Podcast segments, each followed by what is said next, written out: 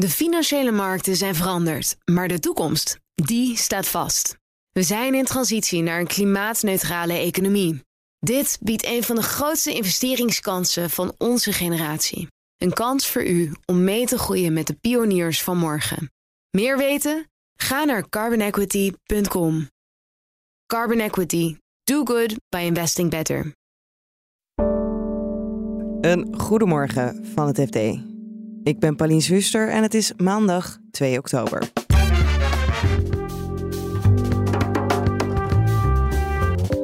Een aantal Van der Valk familieleden beschuldigen hun neef van grootschalige fraude. En daar heeft hij uh, flink wat eh, geld eh, mee opgestreken. Zij zeggen enkele tientallen miljoenen. En je hoort waarom het besturen van een voetbalclub zo anders is dan een bedrijf.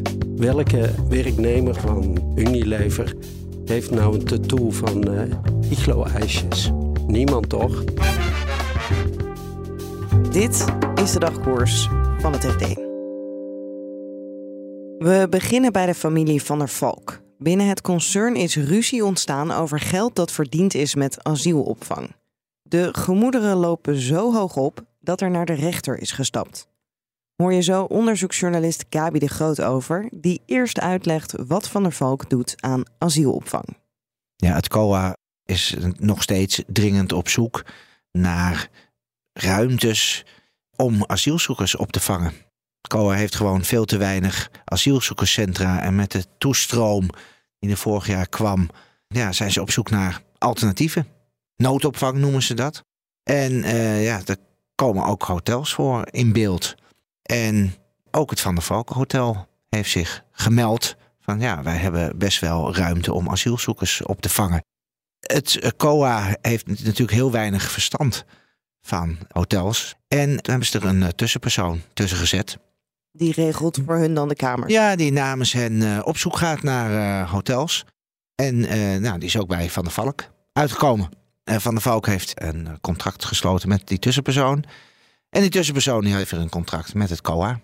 En nou is er een ruzie tussen een nou ja, specifiek deel van de Van der Valk familie. Er zijn ooms die zijn van Van der Valk exclusief, is het? Ja, Van der Valk exclusief. Zo heet die groep Van der Valk hotels. Ja. En die beschuldigen ja, hun neef, neem ik dan aan, ja, Bob, dat is een neef. Ja. van grootschalige fraude. Wat zou Bob dan hebben gedaan? Nou, hij uh, heeft, zoals we begrijpen, namens de familie onderhandeld met die tussenpersoon.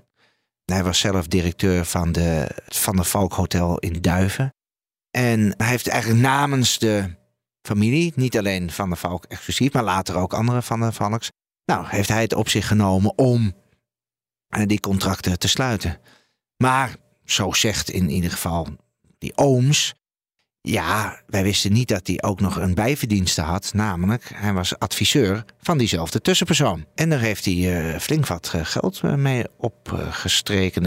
nou ja, zij zeggen enkele tientallen miljoenen. Zou dat wel eens kunnen zijn. Hoe ziet dat er dan concreet uit? Heeft dan eigenlijk het COA te weinig betaald aan die Van der Valk hotels? Dat zeggen de ooms. Nou, nee, de ooms zeggen eigenlijk van wij hebben een, een prijs afgesproken in ons contract met die tussenpersoon.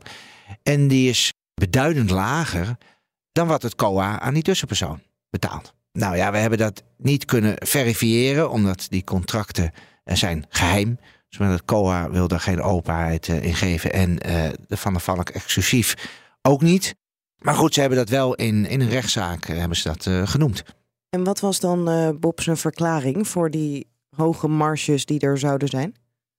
Nou, dat, dat, dat wordt niet echt een verklaring gegeven. We hebben wel gekeken naar, kan het verschil dan liggen in, de, in, een soort diensten wat wordt afgenomen? Ja, als je meer diensten afneemt, dan wordt de prijs natuurlijk ook hoger.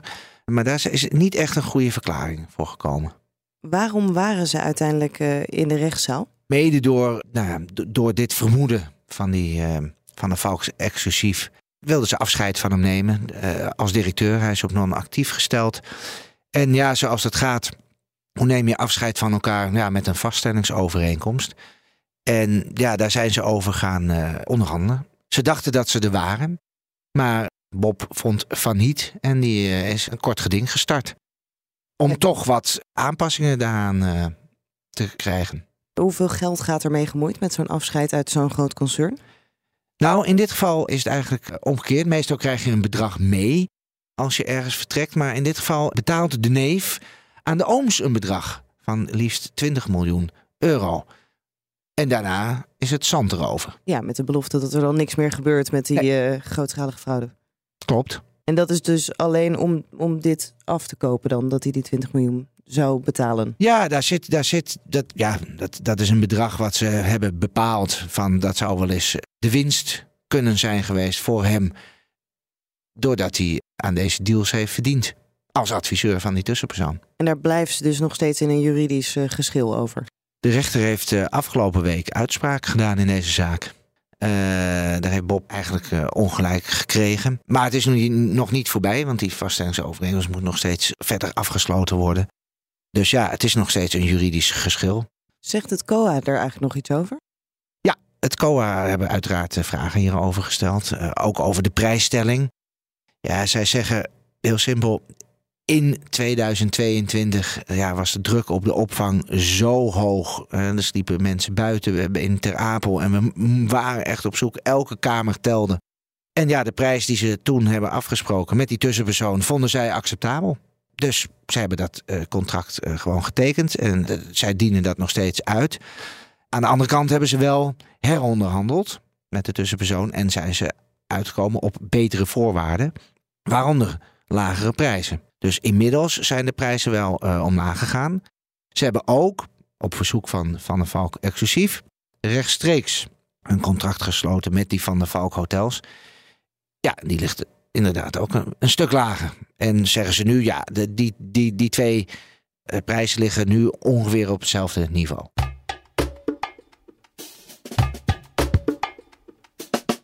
En dan gaan we naar Ajax, waar redelijk wat gebeurd is de afgelopen tijd. Reden voor boardroomfluisteraar Pieter Kouwenberg om te kijken naar het besturen van een voetbalclub en dat te vergelijken met het besturen van een bedrijf. Nou, laat ik beginnen met de overeenkomsten. Kijk, als eh, een bedrijf of een voetbalclub in crisis is, dan grijpt men vaak terug op ervaren bestuurders waarvan je weet dat ze wat kunnen en eh, dan hoop je dat het goed komt. Ajax heeft nu eh, twee eh, mannen teruggehaald van 76 jaar, Leo van Wijk en Michael van Praag, om te proberen de orde in de chaos te brengen. En in een verleden zat uh, accountants, advieskantoor KPMG diep in de problemen. Die deden een beroep op uh, Jan Homme, oude bestuurder van Philips. En uh, nou, erkend puinruimer zou ik zeggen. En toen Imtech dreigde kopje onder te gaan, ze gingen uiteindelijk kopje onder, hebben ze ook uh, Corrivé als uh, Kees van Leden en Frans Kremers gehaald in de hoop uh, het tijd te keren. Dus dat is, dat is klassiek. En verder hebben beursgenoteerde bedrijven en voetbalclubs eigenlijk alle twee voortdurend last van rapportcijfers. Een beursbedrijf kijkt naar de beurskoers en elk kwartaal hebben ze een kwartaalrapport. Is het voldoende, onvoldoende? En dan kunnen ze gaan beven. En voetbalclubs, ja, als het eerste elftal drie wedstrijden op rij verliest, dan weet je, dan is Leiden in last. En wat is dan het grootste verschil? Is het lastiger om nou ja, bijvoorbeeld zo'n sportief resultaat aan te passen? Er zijn eigenlijk twee grote verschillen. Het belangrijkste verschil is uh, de achterban. Bij uh, een beursbedrijf heb je aandeelhouders, heb je klanten, heb je werknemers. En die mensen kijken over het algemeen redelijk rationeel. En een voetbalclub heeft supporters. En supporters die houden van je. En die zijn zo emotioneel bij je betrokken dat ze af en toe niet meer rationeel nadenken. Welke werknemer of welke aandeelhouder van Unilever heeft nou een tattoo van uh, iglo-ijsjes? Niemand, denk ik. Of welke aandeelhouder van ASML wil in de centrale computerruimte van ASML zijn as uitgestrooid zien? Niemand toch? Nou, dat is het verschil. Een supporter wil wel op de middenstip van Ajax uitgestrooid worden. Dus die leven zo gepassioneerd met de club mee. En als het dan sportief niet goed gaat, ja, dan, dan moet iedereen vervangen worden. Want het succes is heilig. Het tweede grote verschil is dat die voetbalclubs die worden allemaal geleid door uh, voormalige voetballers. En die voetballers zijn niet, niet opgeleid om te managen, om te besturen. En je ziet dat die soms moeite hebben met uh, zakelijk, financieel ingegeven beslissingen. Ja, dat helpt niet. Maar het lijkt me ook weer ingewikkeld als je een voetbalclub moet leiden en vervolgens weet je niks van het spelletje en uh, blijft het sportief resultaat achter. Dus het is wel een soort balans. Het is absoluut precies dat woord. Het is een balans. Je hebt die mensen nodig, maar in welke mate geef je de sleutel? Kijk, die, die voetballers, eh, oud-voetballers, die hebben ook uh, vaak het netwerk. Dus die zijn in staat spelers te halen, kennen voetbalmakelaars. Dus je hebt ze wel nodig. Maar de kernvraag is precies wat jij zegt.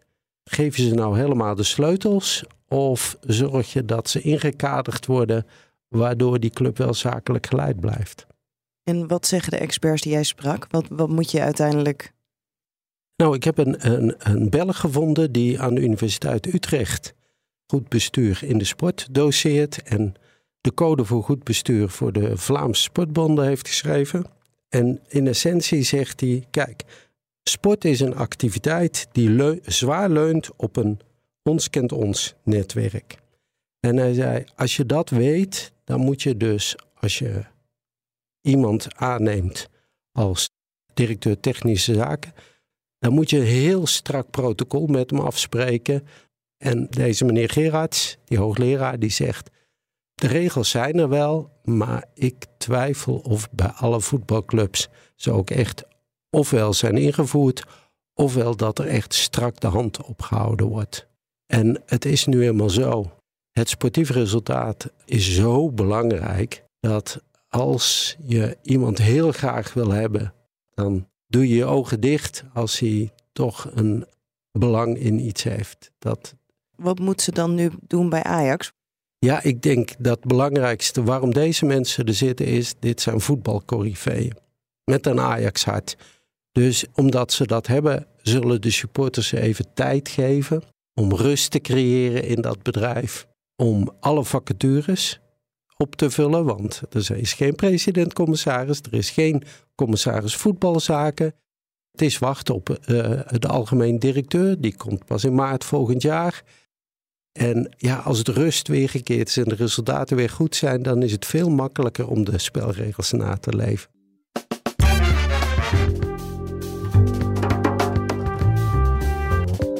Dit was de dagkoers van het FD. De artikelen van Gabi en Pieter vind je in de show notes. En het laatste financieel-economisch nieuws, dat vind je op fd.nl en in de app. Nog een hele fijne dag en graag tot morgen.